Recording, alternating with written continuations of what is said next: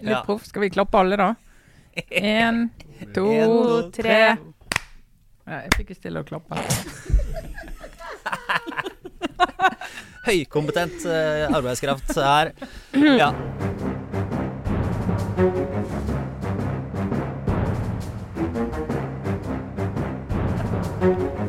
Da er vi i gang med denne ukens eh, Aftenpodden. Velkommen, velkommen. Jeg er Lars Glomnes og sitter på hyttekontoret i studio i Oslo. Så sitter Sara Sørheim. God morgen, god morgen. Hallo, hallo. Fra sivilisasjonen ut til deg.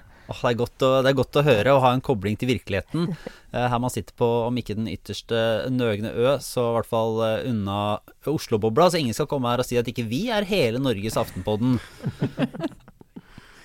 Vår regionale profil styrkes uke for uke, Kjetil Alstheim. Ja da, gjør det. Jo, jo, strålende. Jeg var på teater i går. Store salen på Det Norske Teater. Og da med 20 publikummere. Det er jo så rart. Det ser jo ut som er liksom en, en fiasko. Men det var jo et uh, veldig bra stykke. 'Slåttekar fra himmelen'. Der røyk den profilen. boken er jo så fin. Og, ja. Og der var jeg og Lars, så Og du, slipper du å er- introdusere meg. Er det sant? Nei, nei, du kan få lov å in Jeg var ikke på teater, nei. Jeg bare skled inn Nei, nei. før jeg var introdusert. Ja. Ja. Ja, men det er bra, Trine Eilertsen, at du også er introdusert. Ja. Eh, og så må vi jo si, eh, godeste Kjetil og jeg, vi snakka jo sammen på, på lørdag i helgen etter at Senterpartiet hadde utropt og kåret Trygve Slagsvold Vedum til den da tredje statsministerkandidaten i valgkampen, som, eh, som må sies å være eh, så vidt i gang. Og det bygger jo opp et nytt drama gjennom høsten, så jeg tenker vi må jo la dere få sjansen, også resten av Aftenpodden, til å bare eventuelt komme noen betraktninger rundt denne omdreiningen. Var det sjokkerende, Trine? Uh, herlig. Altså, ikke, eh, kanskje ikke sjokkerende, men litt sånn Jeg har vært veldig sånn eh, nysgjerrig på vurderingene som ligger bak. sant? Eh, og det er jo liksom Når de har vært så tydelige på at vi går for ett regjeringsalternativ, det er Senterpartiet og Arbeiderpartiet basert. Liten åpning der for at de trenger eh, andre ting, men det er det de ønsker seg. Og så har det ikke vært noen tvil om at det var Støre som skulle lede den regjeringen. Og plutselig nå tre måneder før valget så, så pipler denne tvilen til overflaten. Og da har liksom lurt på, mener de det i fullt alvor, eller er det bare en sånn ja, litt sånn å please baklandet og, og skape et inntrykk av at denne her eh, Maskorama-stjernen faktisk kan bli statsminister? Det er veldig rart også hvordan det kom ut. Eh, det kan se ut som det var et sånt forsøk på å spinne mediene litt der. At det kom en lekkasje først, og det var liksom anonyme kilder som mente og skulle vite at han kom til å bli lansert. Og så, og så var det flere utspill i løpet av landsmøtet i helgen. Så det var litt sånn følelse av at det var en slags sånn jeg vet ikke, at det var, var en regi på det, men De- litt sånn uvisst hvorfor. Altså, de bygde jo opp til at uh, her var det et sånn press fra grasrota i partiet på landsmøtet. Og så fortalte jo etterpå at dette hadde sentralstyret begynt å diskutere i midten av mai. I mai, ja. Og så er det jo er det jo det der poenget om at han sjøl har vært så tydelig på at posisjoner, det betyr ingenting. Altså, Bortsett fra å bli, ha en del statsråder, da. Men eh, sånn i seg sjøl så betyr det ingenting. Jeg vil ikke snakke om det. Og de som driver og bruker energi på det, de, eh, de enten klarer ikke de å gå inn i politikk, eller så gjør de at interessen for politikk daler. Og det klinger også litt hult eh, all den tid Senterpartiet jo egentlig først og fremst er kjent for å være et parti som bare skaffer seg makt. Eh, og at faktisk er posisjoner veldig viktig for det partiet. Altså er det kanskje noe av det viktigste. Eh, I hvert fall å få de rette posisjonene. Og så er de jo i godt eh, stand til å eh, egentlig se gjennom fingrene med en hel haug andre ting. Så sånn sett så passer det bra til liksom SPs eh, hva skal jeg si for noe, karakter, eller liksom persona som parti. At det liksom går for statsministerkandidaten. Men, men akkurat i lys av de signalene som har kommet fram til nå, så jeg synes det bare virker sånn, det virker rart. Eh, litt selvmotsigende, egentlig. Jeg er litt sånn usikker på hva som egentlig er Vedums personlige eh, tanker rundt dette her. Eh, men det f- får vi se. Det er ikke sikkert at han ønsket det. Jeg veit ikke. Det var, det var en underlig prosess. Det var litt underlig. Og så er det rett og slett fordi at de ikke har nok tro på Støre til at han kan dra de velgerne over streken som de trenger. Det var jo flere som kom med uttalelser i den retning. altså Fylkeslederen i Rogaland bl.a. Og, og andre som uttalte at Støre er ikke en god nok kandidat. Så det ligger bak. Og så er det jo det at de, de ligger på 17% og det, det er ikke uvanlig å ha at et parti som ligger såpass godt uh, an, har en egen statsministerkandidat. Og så, jeg tror kanskje det, som det som vil endres mest, er at det blir enda synligere at, at Senterpartiet faktisk har et annet regjeringsprosjekt enn det Arbeiderpartiet og SV har. de mener alvor med at de vil ha en Arbeiderparti-Senterparti-basert regjering. Uh, og at det i praksis betyr at de vil helst bare ha de to partiene i regjering for å kunne forhandle til begge sider. Og det har jo politiske konsekvenser. altså Hva som faktisk vil bli vedtatt. Hva som vil bli politikken etter valget. Og det, det tror jeg jeg tror det har vært underkommunisert i dekningen frem til nå. For man har bare forutsett at det er en rød-grønn regjering mot dagens regjering, og så har man skrevet om, mm. om uh, situasjonen ut fra det. Men, men, sånn har det ikke vært. Og så, nå er det veldig tydelig at det er, det er to ulike varianter av uh, en ny regjering. Men er det ikke også litt på grensen til ikke ukollegialt, men kanskje til og med litt utaktisk hvis uh, altså All den tid Senterpartiet jo er avhengig av Arbeiderpartiet for å få regjeringsmakt, mest sannsynlig i hvert fall, så er det jo ikke noe tvil om at dette, den, denne bevegelsen, denne dette skrittet da, å erklære han til statsministerkandidat, det svekker jo Støre. Altså, da er han plutselig i enda større grad enn tidligere et usikkert kort som leder. Uh, og hvor lurt er det? Altså, sånn sett syns jeg også er et underlig lys av at uh, Senterpartiet bør jo også håpe at Arbeiderpartiet gjør et godt valg, egentlig. Ja, de undergraver ham jo på den måten ja. å si at han er en svak kandidat. Samtidig så er det, hvis dette betyr at Senterpartiet greier å holde på de velgerne de har tatt fra Høyre og Frp, eller drar over flere, så vil jo det bidra til at flertallet skifter, og øke sannsynligheten for at Støre blir statsminister. Så det er liksom, akkurat hvordan det regnestykket blir, er vanskelig å si. TV 2 hadde jo en uh, interessant måling der, da, som, som uh, riktignok var litt sånn rar. fordi de, de spurte jo da uh, velgerne om hvem de trodde skulle bli statsminister. Altså De spurte uka før uh, Vedum ble utpekt som Senterpartiets statsminister, og nå i etterkant, og lagde en sak som kanskje var litt hardt vinkla på at Vedum fossa fram.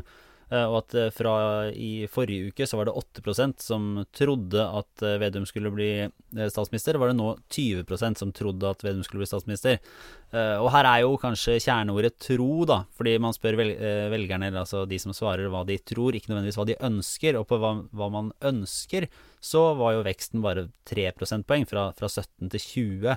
Så, så, det har jo skapt et inntrykk i hvert fall der ute hos mange om at dette nå er en mulighet, selv om det kanskje ikke backes opp av, av veldig sånn av at dette er drømmesituasjonen for så veldig mange velgere? Nei, altså vi har jo en del uh, paralleller fra tilbake i tid da Kjell Magne Bondevik ble uh, statsminister i, i, regjering med Høyre i 2001 da var jo ikke det liksom noe som uh, var planen. Det var jo ikke sånn det gikk et alternativ til valg med han som kandidat. Han ble jo det bare etter valget. Så Det viser jo at det er ikke en automatikk i at eh, med, med det største partiet skal ha statsministeren. Sånn at, ehm, men, så det, jo, det, det, blir jo en forhandlingssituasjon etter valget. Og så er det matematikken i Stortinget som vil bety mye.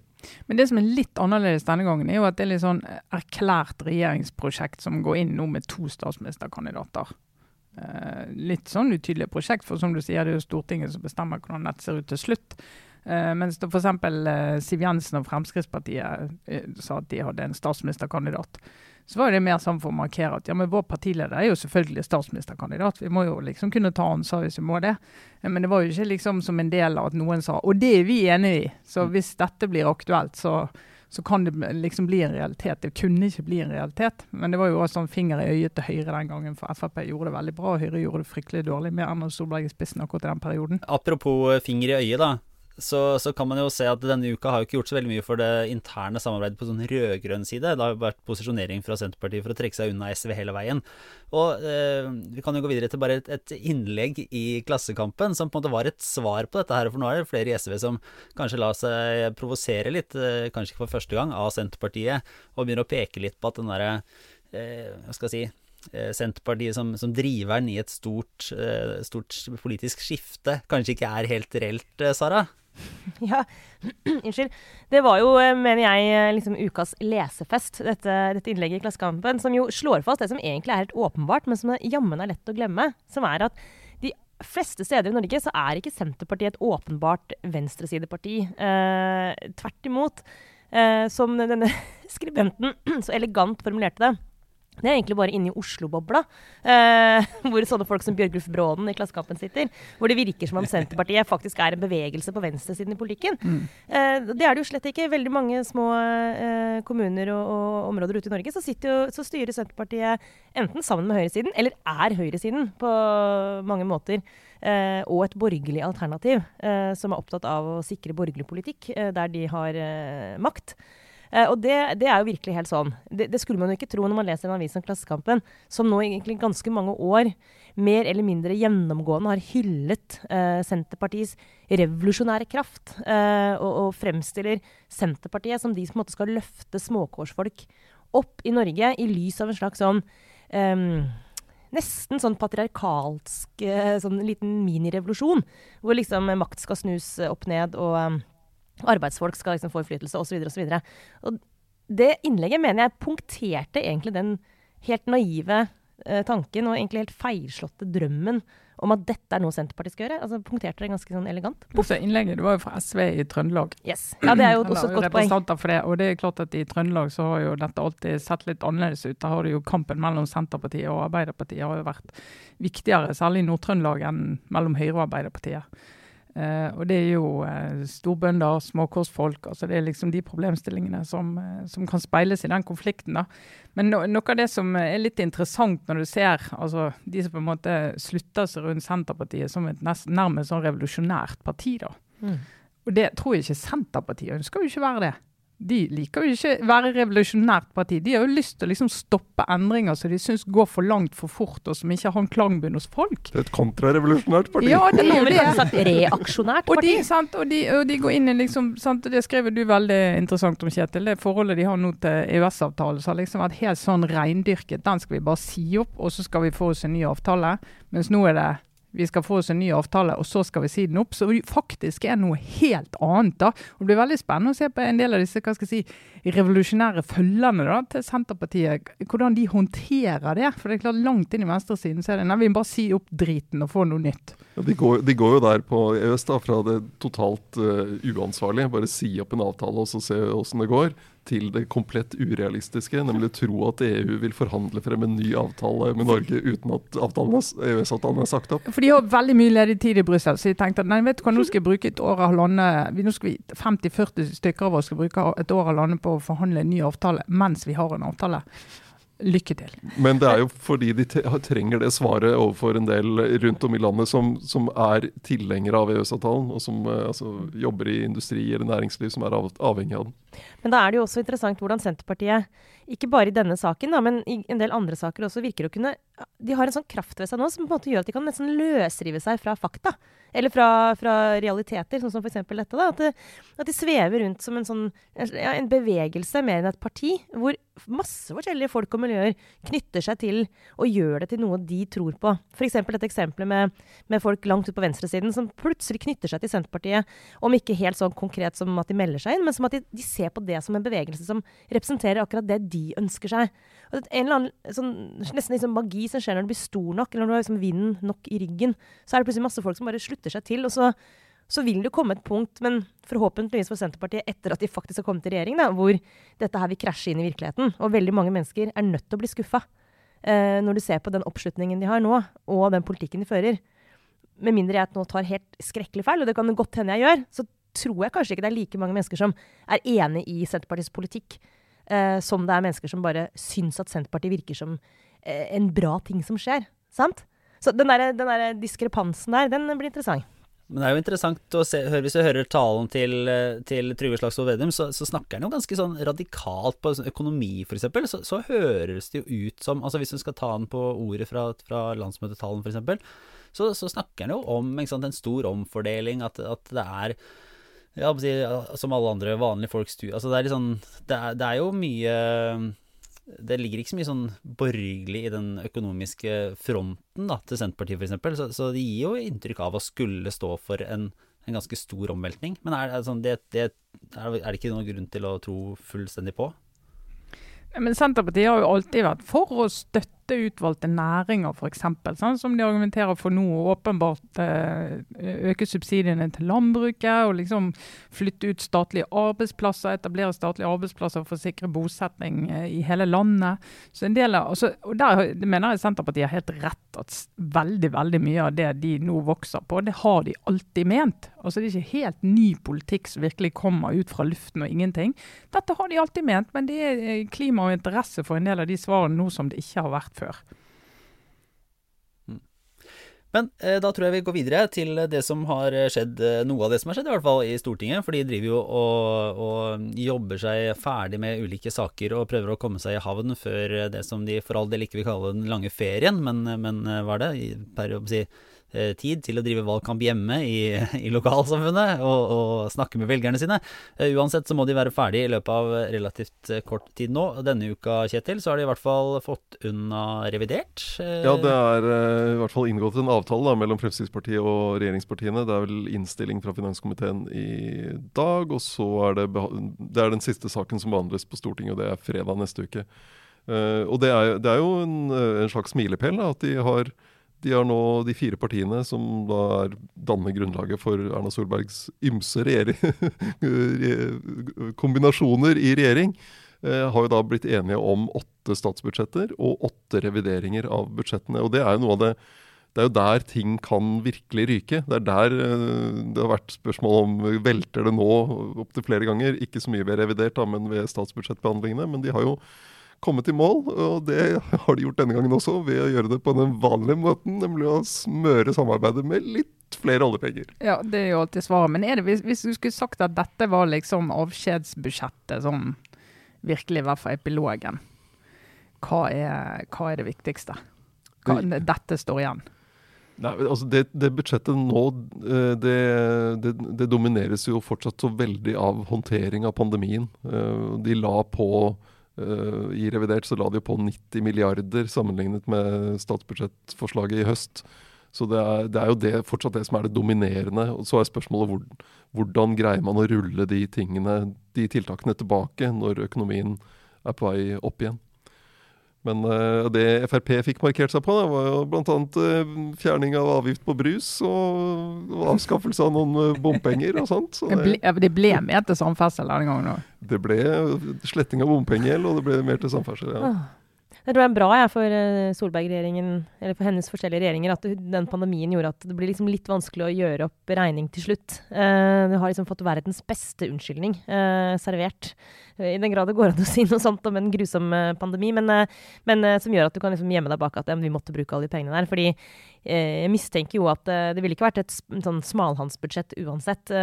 heller ikke uten en pandemi. Men det blir jo kontrafaktisk spekulasjon. Men det har ikke vært lett å komme til enighet uten å nettopp gjøre som du sier, Kjetil. Å bruke veldig mye penger. Er ikke, jeg, tror ikke, jeg tror ikke Erna Solberg selv Nå skal vi se litt, da. Vi, ikke, vi kan jo se tilbake på Uh, i vår oppsummerende uh, livesending, som Lars skal snakke mer om etterpå. Så vi skal ikke bruke altfor mye tid på det nå, kanskje. Men sånn Dere tror vel ikke at hun egentlig er 100% komfortabel med å være en så sløsete statsminister? Trine. Ikke, ville ikke hun egentlig vært hakket mer fornøyd med å kunne si at 'jeg klarte å stramme livlinja', liksom? Ja, jo, altså sånn Du kan tenke sånn klassisk ideologisk, men samtidig ja. er jo kanskje Erna Solberg pragmatisme i to sko. Ja. Altså det er liksom Ja, vi må få løst ting. Kom igjen, vi må videre. Mm. Og da har det med å bli dyrt. Det er litt sånn ungene maser og sier uh, hvis jeg bare får en is Det er greit du skal få en is til, bare vi kommer oss ut av denne butikken. Nå har du mast i åtte år, nå skal du få en is. Ja. Og, og, så, og, så, og, så, viser jo det bare for å legge til på, på, dette med at hun fikk denne krisen til slutt. Og så har hun jo, Det har jo vært kriser underveis også, med flyktningkrise, finanskrise Nei, ikke finanskrisen nå, men oljeprisfallet. Som jo bare illustrerer at du må regne med at det kommer sjokk i, ja. som gjør at du trenger å bruke noe ekstra penger. Men da må du også greie å holde igjen på pengebruken de årene der det ikke er en krise å håndtere. Det det. Og det har jo regjeringen ikke vist at den kan. Mm. Men hun ordner i hvert fall sånn at ikke eh, tidligere statsråder trenger å få store summer i etterlønn. For hun fikk jo refs i Stortinget eh, denne uka også for, for sine ansettelser. Eh, og, og, det har liksom kommet litt sånn drypp, eh, drypp i drypp, eh, disse, disse her, da, som, som, dreier seg om at, at medlemmer av regjeringen går over i embetsstillinger. Det begynte vel egentlig med Elisabeth Aspaker for altså det var vel fem år siden eller noe sånt. Hun ble utnevnt til påtroppende nå statsforvalter i Troms og Finnmark. Eh, og gikk over til det da i 2017. Men Bent Høie lever jo på sin eh, vente, i ventetid på å tiltre i eh, Rogaland. Og En slags ventekarantene, egentlig. så er det jo. Frank Bakke-Jensen, da, som, som er nå ansatt som Eller skal gå over som fiskeridirektør. Og plutselig Det har jo måte vært klager på dette her litt sånn smått underveis, men nå har det plutselig toppa seg litt. Hva, hva er grunnen til det?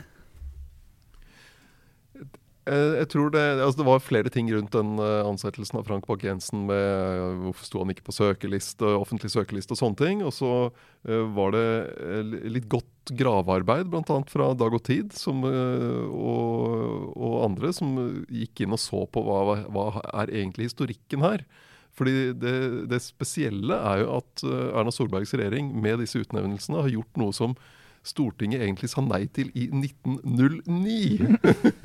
og det, da var bakgrunnen at eh, statsminister Jørgen Løvland, som ja eh, var statsminister fra 1907 til 1908, helt på tampen da de var i ferd med å gå av, var et, eh, blitt det man kaller et forretningsministerium, så ga de sånne fete embeter til flere av statsrådene sånn i siste sving. Og det var så drøyt at selv kong Haakon den syvende reagerte. Og da det ble behandlet da i Stortinget året etter og sa at sånn skal vi ikke drive på. Så det er den, den historikken som da er kommet opp. Og så har man sagt at her har Solberg-regjeringen brutt eh, et prinsipp som har ligget her siden 1909. Og så har Erna Solberg sagt at ja, men det var et forretningsministerium. Jeg styrer ikke et forretningsministerium, så da må det være greit. og det sier da opposisjonen uh, at det ikke er greit. Og så sier de borgerlige partiene, altså regjeringspartiene pluss Frp, uh, de, de kritiserer det ikke, men de sier at man kan godt se på og Kanskje man skal regelfeste dette. Ja. Eh, ja. Altså, det er den mildeste måten de kan si at dette var kanskje ikke helt lurt. Nei, men dette er jo helt på jordet. Dette er jo helt på jordet. De partiene de sier jo det fordi de skal De, de må liksom for de må være greie med Erna Solberg, men du kan jo se for deg at det var motsatt. At det var en rød-grønn regjering som eh, gjorde dette her. Så hadde jo det vært eh, vel så mye kritikk fra den siden når du snakket om både kameraderi og styringsorgan, og alt som er. Mm. Eh, Det tar seg rett og slett ikke godt ut. Og Jeg hørte Iselin Nybø si at eh, ja, Frank Bakke-Jensen men han var, eh, var eh, godt kvalifisert. Altså helt, og Det kan godt hende han er det, men det er ikke poenget. Poenget er, mener jeg, når du sitter i regjering, så sitter du i regjering helt til du ikke gjør det lenger. Det er å begynne å signalisere flere år for enkelte at du skal gi deg. Altså Uansett hvordan du snur og vender på det, så gjør det noe med autoriteten din. da. Det gjør det. og jeg mener at det, det er det ene. Og det andre er at du sitter der og uansett om man er kvalifisert eller ikke, så blir det en sånn Ja, det er jo vanskelig å si nei til en som sitter rundt bordet til Erna Solberg. Han må i hvert fall få komme på intervju. Altså, God nok til å være statsråd. ja, god nok til å være statsråd må være stor, god nok til å liksom få lov å komme inn her og være i prosess. Og det, og de statsforvalterjobben der. Og det tredje er jo, hvis du får en jobb sånn som disse statsforvalterne gjør, flere år du skal gjøre det, syns jeg er dårlig gjort mot den organisasjonen. Hva skal de sitte der og hyse og vente på en ny sjef? Vi vet jo alle hvordan det er når du har sånne lange gliper før den nye sjefen kommer. Hvor mye du ikke får gjort, og hvor mye som ikke blir satt i gang. Og det er liksom, nei, jeg syns det er en forferdelig dårlig praksis. Og jeg- at Erna Solberg holder på med det, her, det, det, det, det er jo styringsarroganse. Det er jo det. Og det har jo klassisk vært eh, kritikk som har kommet mot særlig Arbeiderpartiet. Den gangen Arbeiderpartiet var liksom styringspartiet ja, med med stor S. god grunn. Med god grunn. For det var litt sånn, det var jo tider nei, du kunne ikke være NRK-sjef uten å være medlem av Arbeiderpartiet. Det var liksom mantraet. sant? Og da ble det sånn Hvorfor det? Og da er det jo interessant å merke seg at Høyre, som jo har vært en av de, øh, som du sier til det, med rette sterke kritikerne av nettopp den tendensen eh, blant eh, folk med makt, det er jo interessant at bare det samme skjer. Da kan det spørre seg om det egentlig ikke er liksom partitilhørigheten, men rett og slett bare maktarrogansen, eller hva man skal kalle det for noe, da, som gjør at man sklir inn i en sånn måte å skalte og valte med ting på. Kanskje det er nesten uunngåelig i løpet av åtte år at man, eh, at man bare begynner å sånn, dele ut ting og bli vant til at man sitter med, sitter med den muligheten på hånda. Men nettopp derfor er det jo Stortinget har en så viktig rolle i å protestere, og også vi faktisk i pressen, å og avdekke når det skjer.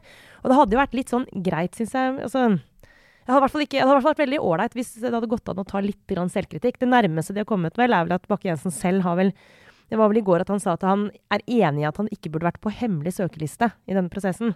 Det er vel det nærmeste jeg kommer Men, men det å erkjenne. spiller jo ingen rolle. Og det der hemmelige søkerlistegreiene, det er ja, det, verdien av det, det er noe Ja.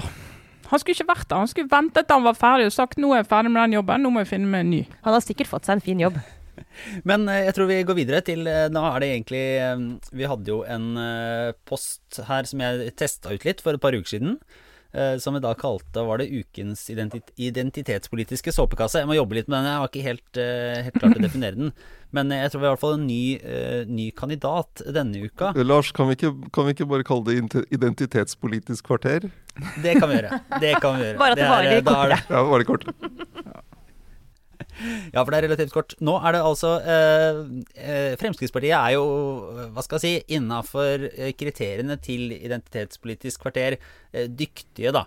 Si. De, de er gode til å komme seg med i identitetspolitisk kvarter. Eh, så nå var det jo da eh, responsen på en sak her som, som plutselig ble stor. Jeg skjønte egentlig ingenting, fordi i, eh, altså, i går onsdag så fikk jeg plutselig sånn pushmeldinger på telefonen som sa at det var, eh, nå, nå var det ikke lov å samle inn rumpetroll.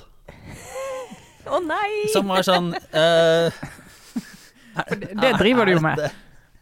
Ja, ja, altså eh, Det er virkelig sånn derre eh, 60-tallet ringte og ville ha tilbake aktivitetene sine. Men, men hva Og det var jo noe rart nok. Men da så sitter jo da noen i, i Fremskrittspartiet, selvfølgelig, som, som ser dette, og, og ser det som muligheten til å, til å hamre løs. For det her var jo da var det Miljødirektoratet som var bekymra for en amfibiesopp som nylig er påvist Norge, og som kan medføre sykdom og død da, hos amfibiene hvis den flytter seg fra vannkilde til vannkilde. Så, så det, vi får jo måtte stole på at i utgangspunktet ligger faglige begrunnelser bak her. Men det, det fine var jo da strategene i Fremskrittspartiet som kaster seg rundt og, øh, og slår ned med hard hånd på, på dette her. Øh, legger ut innlegg med sånne faceplant-emojis fra Sylvi Listhaug og øh, Eller var det ikke det? Var det hun som la ut det? Hun, hun, var, ja, hun, ja. hun, hun la ut to flere ganger i går på akkurat den saken. Ja, ikke sant? Ja. Det var gårsdagens viktigste sak, Lars. ja, ja. Det er en slags trolling, er det? Rumpetrolling på internett. Jeg ante ikke at det fortsatt var en så populær aktivitet. Altså, det, det er veldig sjelden jeg ser disse hordene med rumpetrollinnsamlere rundt omkring i skogen. Jeg tror det er i skogen du finner rumpetroll, eller altså i vann i skogen. Dekker gjerne små Ja. Men det var jo, altså, det var jo eh, Jeg så eh, ikke bare Sylvi Listhaug, men flere i Frp som var ute. Men liksom, her raserer vi landet med vindmøller. Og liksom, det er greit. Men så kan vi liksom ikke det mulig for små barn å gå og hente seg noe rumpetroll uten å sende søknad i tre eksemplarer til et statsbyråkrati som bare eser ut. Nå skjønner vi hvorfor det eser ut, for det er jo Rumpetrolldirektoratet Men altså som nå kommer til Som- å måtte etableres for å ta imot alle søknadene. Men så skulle jeg bedt mine unger, ikke for å utlevere det, men skulle bedt dem om å gå og hente seg rumpetroll. Jeg likte den her. Det, det fins folk som ikke får medisinene de trenger grunnet saktegående byråkrati, men samtidig har de tid nok til å behandle søknader om å samle rumpetroll. Dette er dårlige prioriteringer, det sier altså stortingsrepresentant eh, Saudland. Ehm, så det, det er jo Jeg vet ikke helt om, om eh, det, Som alle sånne historier, så har det på en måte en sånn snev av det, det liksom, Jeg skjønner det at det er en provoserende effekt, for det er sånn Hvorfor i all verden skal staten bry seg om dette Ja. her? Altså, det, det kan jeg se Eh, men- sånn ideologisk for Frp, så er det jo, det er jo en kime av noe de skal være opptatt av. De skal være opptatt av meningsløse påbud og regler, eh, og så skal de slå hardt ned på det. Men det er klart, det er jo, det er jo noen som kanskje er mer engasjerende enn enn andre og treffer bedre enn akkurat dette, kanskje. Pluss at jeg tenker på de rumpetrollene, hvis ikke om den soppen. Jeg kjente jeg ble akutt bekymret. Altså vil vi jo ha rumpetroll i framtida. Vil jo ikke ha masse sopp som sprer seg og ødelegger for amfibier. Jeg, jeg, jeg har jo da minner fra da jeg var barn, så var jo barna ute i naturen av og til. På 70-tallet, det var ikke 60-tallet her, altså, Lars. Og da husker jeg jo en gang jeg var ute og henta rumpetroll da, i en bøtte. Og så tok jeg det med hjem og satte det ned i kjelleren. Og så Det som skjer med rumpetroll, er jo at de utvikler seg til frosker. Så det det? hadde, det hadde jo ikke jeg tenkt over. ikke du det, Nei!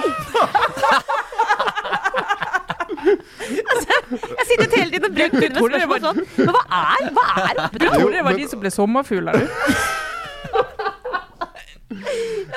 Det er jo ikke Det fins ikke i min verden. Altså, hva, hva er det dere snakker om? Altså, sånn helt, det ser i hvert fall ut som sædceller. Det er det jeg har å si om rumpetroll. Og utover det så tenker jeg bare at hvis mine barn skulle så, bare blitt eksponert for rumpetroll, ville de fått traumer. Men, men poenget er hvis dine barn kommer hjem med en bøtte med rumpetroll, så uh, skal du tenke på at de ikke skal spres opp, så de skal bare gå tilbake og helle den tilbake oppi der de fant dem. Samme Og så- Ja, For det første er det jo gang. lovbryter, Men hvis du setter det da ned i kjelleren, og så ikke tenker så mye mer på det, så blir de sopp, nei, frosker, og så hopper de ut av bøtta, og så tørker de i hjel på gulvet. Så Og så lukter det gøyalt. ja, så, så Altså, jeg tenker på, Hvis man skal fange rumpetroll, så er det mer sånn catch and release, tenker jeg. Altså, Ja. Ok, Har alle frosker vært rumpetroll, bare for å få det her ut av verden?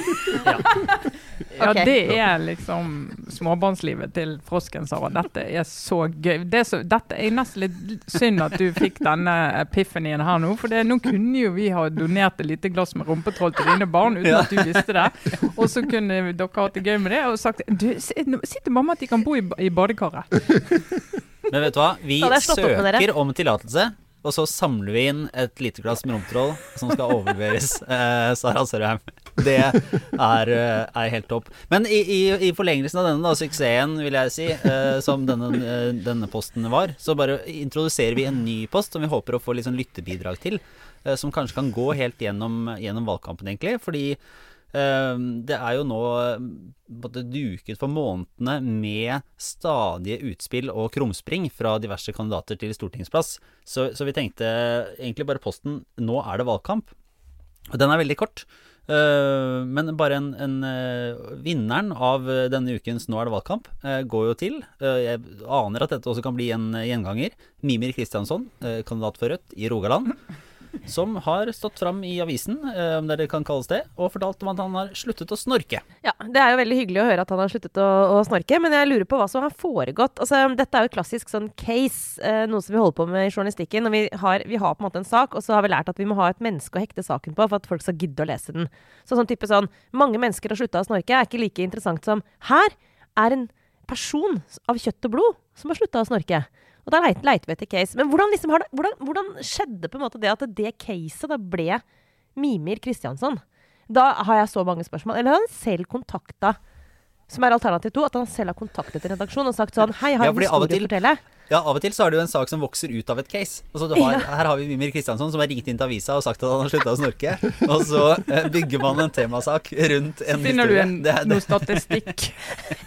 Men uh, bakgrunnen her var jo at han var med på Farmen kjendis. Dette er Farmen-Mimir. som da, Det var så hardt å være på Farmen at han gikk ned i vekt, og da sluttet han å snorke. Og så Da han slapp ut igjen, så holdt det en stund, og så har han gått opp i vekt igjen, og nå snorker han på nytt. Så det er ikke sant at han slutta å snorke? Nei, han slutta å, snorke i en periode, men så la han på seg, og så begynte han å snorke igjen. Og han syns ikke det er verdt å gå ned i vekt for å slutte å snorke. Ah, en slags det- anticase. Det er det ofte, kan ofte spørre hun han bor med òg om det samme. Men, eh, men, men bare sånn, eh, si sånn eh, pressefaglig, da.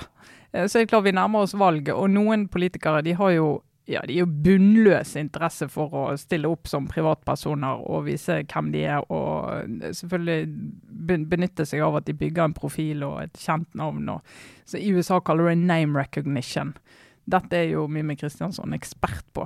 Eh, Men det er klart når du begynner å nærme deg valget, så må liksom redaksjonene må jo liksom tenke ok, det at noen har den hangen til å stille opp i absolutt alt mulig, eh, som også er helt frisluppet fra, og frikoblet fra politikk, eh, og at de da er kjendiser, det må på en måte ikke eh, gjøre at eh, redaksjonene lettere velger de enn de som ikke har det. Altså Hvis du tar en kontrast eh, vi har politikere som bare er helt knallharde på at nei, det, det er politikken jeg snakker om. Jeg snakker, du kommer ikke hjem til meg, jeg snakker ikke om barna mine. Jeg forteller ikke om jeg snorker, jeg er ikke med på realityshow.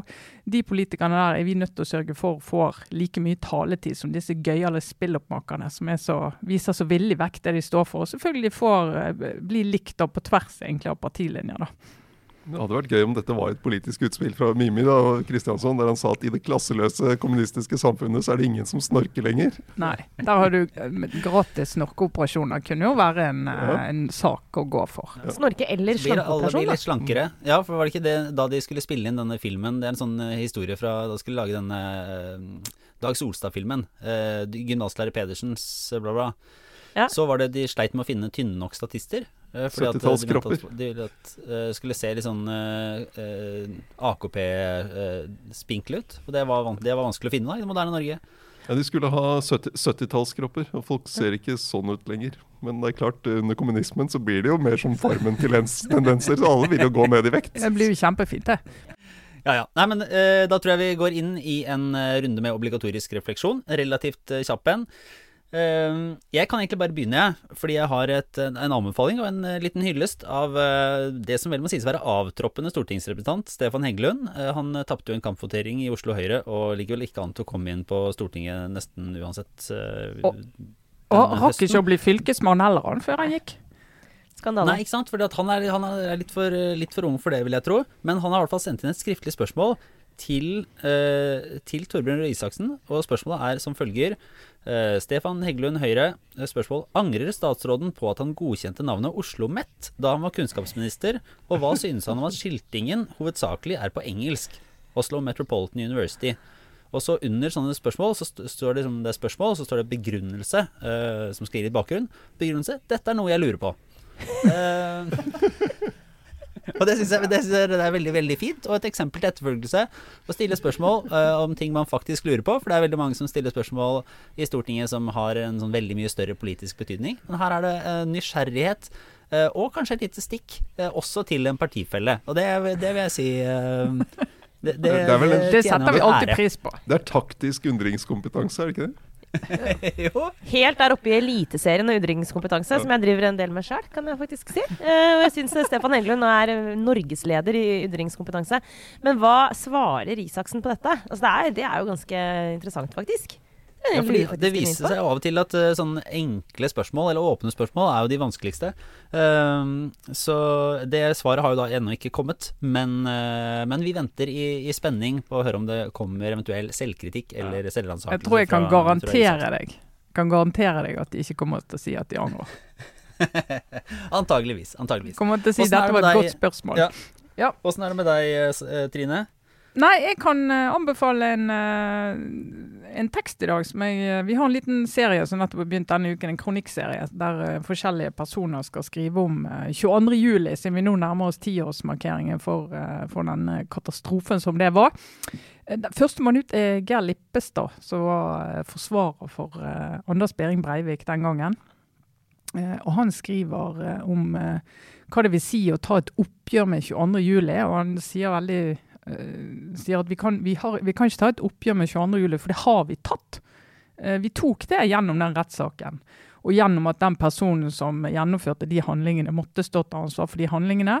Og jeg mener at det er veldig usunt å ta et oppgjør med 22. juli, i betydningen at når du skal diskutere dette tankegodset, så skal du hekte eh, mennesker som mener ting som ligner på det som han mente, til den handlingen. At du er nødt til å skille de, eh, de to. Da. Altså, det er en interessant tekst. Um, også fordi at han, han trekker en del linjer til en del andre oppgjør, eh, bl.a. etter andre verdenskrig, og sier noe av det verste som skjedde etter krigen, var jo alle de som da ble eh, assosiert med de som hadde begått forbrytelsene, og ble straffet i praksis for det gjennom både holdninger og eh, behandling da, eh, i mange år etterpå, og hvordan det liksom gjorde at du Altså Hele dette oppgjøret fikk noe ved seg som var veldig, veldig usunt. da. Så går det an å diskutere liksom, eh, hvor relevant den parallellen er, men jeg syns den teksten er verdt å lese. For det var i hvert fall en tanke der som jeg tenkte ok, ja, jeg har ikke sett sånn på det før. Eh, Så den, eh, den kan vi legge ved i nyhetsbrevet vårt. Åpen for alle. Det, Det var jo også noe Unnskyld, det var jo også noe av den, eh, det han peker på, er jo det som gjør at hele den diskusjonen er ganske vanskelig. Det er jo ikke sikkert at han på en måte har rett som sådan, men jeg syns at det, det fikk fram noe av det som har gjort at det har vært vrient å kanskje få den diskusjonen som AUF også har etterspurt, da.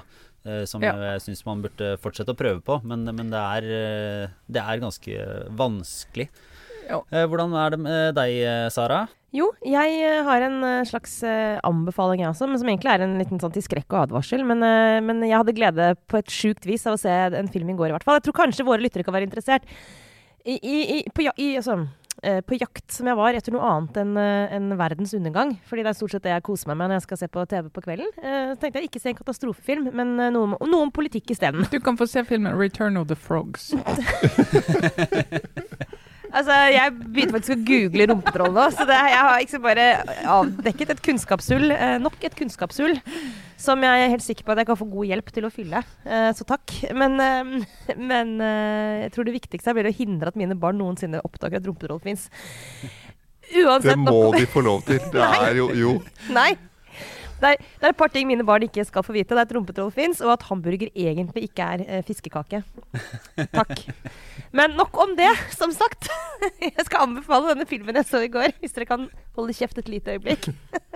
uh, Game Change av uh, Husker jeg ikke, men om, viktigere, om valgkampen i 2008, og om ikke minst Sarah Palin som eh, John McCains visepresidentkandidat. Um, en ganske ok film, egentlig. Altså, den er filmatisert, det er ikke en dokumentar, men den er jo da veldig i stor grad basert på, på det som faktisk skjedde. Og boka 'Game Change', som også dekker den valgkampen, som, den er også veldig, veldig god. Men poenget med denne filmen og min uh, opplevelse i går, var egentlig at uh, som vi alle husker, så var det et uh, Det var helt sjokkerende at det ble hun Sarah Palin fra Alaska som ble visepresidentkandidaten til en så egentlig ryddig og skikkelig fyr som John McCain. Men det, poenget i dag egentlig med å nevne dette, var at noe av det mest sjokkerende den gangen, og det som de bruker mye tid på i filmen, er jo den opplevelsen disse strategene i denne kampanjen til McCain fikk. Altså det sjokket de fikk da de oppdaget at Sarah Palin jo ikke kunne noen ting. Det oppdaget de også litt seint, faktisk etter at hun hadde blitt utnevnt som, eh, som visepresidentkandidat. Eh, at hun f.eks. ikke kunne noe som helst om utenrikspolitikk. Hun visste ikke eh, at Sør- og Nord-Korea var to forskjellige land. Uh, hun visste ikke at, uh, at det ikke var uh, dronning Elisabeth som styrte England, f.eks. Altså som bestemte i England, men statsministeren, altså Storbritannia. Og så videre og så videre. Og, det, det, og den, den, det sjokket og det hva som skjedde på en måte i kampanjen når de oppdaget det, er veldig, veldig underholdende og interessant å se på. Men refleksjonen min, da, i den grad jeg har en refleksjon, det er at det, nå er jo ikke det sjokkerende. sant? Nei, det er jo en forskjell, for da er du ikke elite. sant? Og Nei. det var jo det det var den gangen. Det begynte jo så vidt den gangen. Ja, så her, jeg kan ikke alt det, men det gjør ingenting. Jeg er en av dere, på en måte. Ja, sant? og den der eh, skamløsheten som det faktisk er, som uh, toppolitikere, ja faktisk helt opp til presidenten sjøl, utviser gjennom å være litt sånn Vet du hva, jeg bryr meg ikke om det her, jeg kan ikke noe om det, og jeg er stolt av å ikke kunne noe om dette her. Nettopp fordi at jeg ikke tilhører eliten osv. Den gangen med Sarah Palin, vi trodde jo, eller jeg trodde selvfølgelig, at det var et slags bunnpunkt.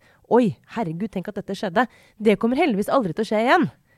Og så viser det seg jo da at det var et, det var et startpunkt eh, på en, en, politisk utvikling som jo våre lyttere kjenner utmerket godt, så ikke trenger å gå i detaljer på. Men liksom, at Sarah Palin var starten og ikke slutten, det var en interessant eh, ja, og Liten reise inn i mitt eget hode. Så hvis noen vil uh, ha en En, en foregangskvinne, rett og slett? Ja, rett og slett. Så Game Change. er God film, men også interessant å se nå i lys av de siste årenes uh, utvikling i amerikansk politikk. Mm. Eh, om deg, Kjetil, eh, har en anbefaling, eller har du tenkt noen grundige tanker inn i helgen? Eh, jeg har bare en liten oppklaring først, og så en anbefaling etterpå. Oppklaringen er Jeg bare spolte tilbake til åpningen her, da jeg fortalte at jeg hadde vært på teater og det var bare 20 mennesker i den store salen. Og det er kanskje innlysende for folk i Oslo hvorfor det bare er 20 mennesker i den store salen på et teater, og det er jo fordi da er det utsolgt. Uh, og vi lever fortsatt i denne byen i, med de restriksjonene. Bare sånn at uh, Jeg inkluderer alle, alle siden vi er hele Norges Aftenpodden. uh, og så anbefalingen. Jo, og det er, det er Jeg er kommet over via VGs kommentator Tone Sofie Aglen, som anbefalte dette på sin Facebook-side. En podkastserie fra Danmarks Radio. Uh, med, et, uh, med en, uh, en kar som heter Jesper Borup, som er vanlig programleder i Danmark, P1 i, i, Danmark. Litt sånn tenker litt sånn Espen Aas-type, tror jeg. altså Dagsnytt 18-programleder Espen Aas. og så har han da hatt et hobbyprosjekt, nemlig å han er kjempe-David Bowie-fan, så han har bestemt seg for at han skal høre gjennom alle David Bowies 28 studioalbum på oh. nytt, og så lage en podkast om hvert av de albumene. Dette her, du, vet du hva, dette er definisjonen av å være mann. ja, og, det, og, og, han altså, koser seg så veldig. og, og, det er eh, Altså, hvis, for, hvis, man liker Bowie, så er det snadder. Og så men det var det som var fint da, ved at jeg kunne introdusere dette ved å si at anbefalingen egentlig kom fra Tone Sofie Aglen. Som en kvinne? Som ikke er mann. Jo da, men den ideen er, sånn og referansen til Espen Aas er jo altså Dette er jo som om Espen Aas skulle satt seg ned og hørt på alle albumene til Bob Dylan og lagd program om det. Med radio om det. Og det har han jo gjort! Men det er altså David Bowie fra start til slutt, heter den podkastserien. Ja, nei, altså, I salute you, mann eh, et eller annet 40 eller 50 som har tid til å gjøre det der. Jeg gratulerer med det. Eh, fint. Vi andre smører matpakker og gjør en del andre ting. Leser om frosk. Jeg, jeg leser, jeg leser en eh, nobelprisvinneren Olga Tokarczuk Uh, eh, nå mens jeg har hyttekontor og, og, og sitter på, på kvelden her. Og hun hadde bare et fantastisk begrep som kanskje er, er kjent, men hva han kalte det eh, altså testosteronautisme. Som er den typen autisme som, eh, som eldre menn utvikler når de slutter å bry seg om eh, å egentlig snakke med andre folk eller å, å tenke på andres tanker, men bare forsvinner inn i sine egne interesser og, og går rundt. Eh, uten å trekke for noe store nytt, paralleller. Så eh, ja, men det tror jeg vi eh, runder av med en liten oppfordring til eh, de som, eh, til de som er eh, lyttere av Aftenpodden, om at vi har en livepodkast på tirsdag klokka 19.00. Det kommer til å vare en drøy time, tenker jeg. Det er vår oppsummerende pressekonferanse. Vi går gjennom det som har vært, og serverer kanskje jordbær til de oppmøtte. Det er jo ikke så veldig mange, men det skal bli veldig gøy. Du kan eh, se det da eh, via en eh, Altså, det er for abonnenter i utgangspunktet, så man bør jo bli abonnent på Aftenposten. Uh, og det er egentlig flere arrangementer gjennom valgkampen som kan være av interesse, som man får tilgang til. Uh, og vi legger en lenke i nyhetsbrevet på Facebook-siden og i shownotes til denne utgaven, så folk som eventuelt ikke er abonnenter, kan, kan melde seg der. Og, og de som allerede er det, kan komme og få sett det. Eh, Så kan vi jo si at det kommer også en Nei, bare la oss, Vi må bare igjen minne om da, at eh, dette er jo da eh, på skjerm. Hele Norge er invitert, så det er ikke sånn live at du må være her. Det, det kunne det jo vært. Ja, det var jo så fremmed for meg at det, det forsvant helt, den presiseringen. Du kan se det hvor som helst fra din egen eh, datamaskin, telefon, eller hvis du skulle være helt, helt uh, rar i hodet ditt, uh, få sånn fullskjerm på TV-en via f.eks. en uh, Chromecast. Det anbefaler jeg ikke. For det er vel kanskje ikke så visuelt spennende som det forhåpentligvis er ålreit å høre på. Og så får vi en, en gjest til kanskje vårt eget lille Trines utvidede reformhjørne. Ja. Skal vi si hvem det er? Ja, reformsjef over alle reformsjefer. Det er jo Det Erna Solberg. si. Ja, så hun tar en liten tur. Så vi ser om vi rekker å få snakket med henne også. Eh, men hovedsakelig så er det, det er mer av oss enn det er av henne. Eh, til eh, glede eller forskrekkelse. Som alltid. Men eh, da får vi løpe videre. Vi oppfordrer alle da til å følge med på, på tirsdag eh, og få tilgang der. Så takker vi for oppmøtet alle dere eh, fra hyttekontoret, fra studio. Det var denne ukens Aftenpodden. Ha det bra.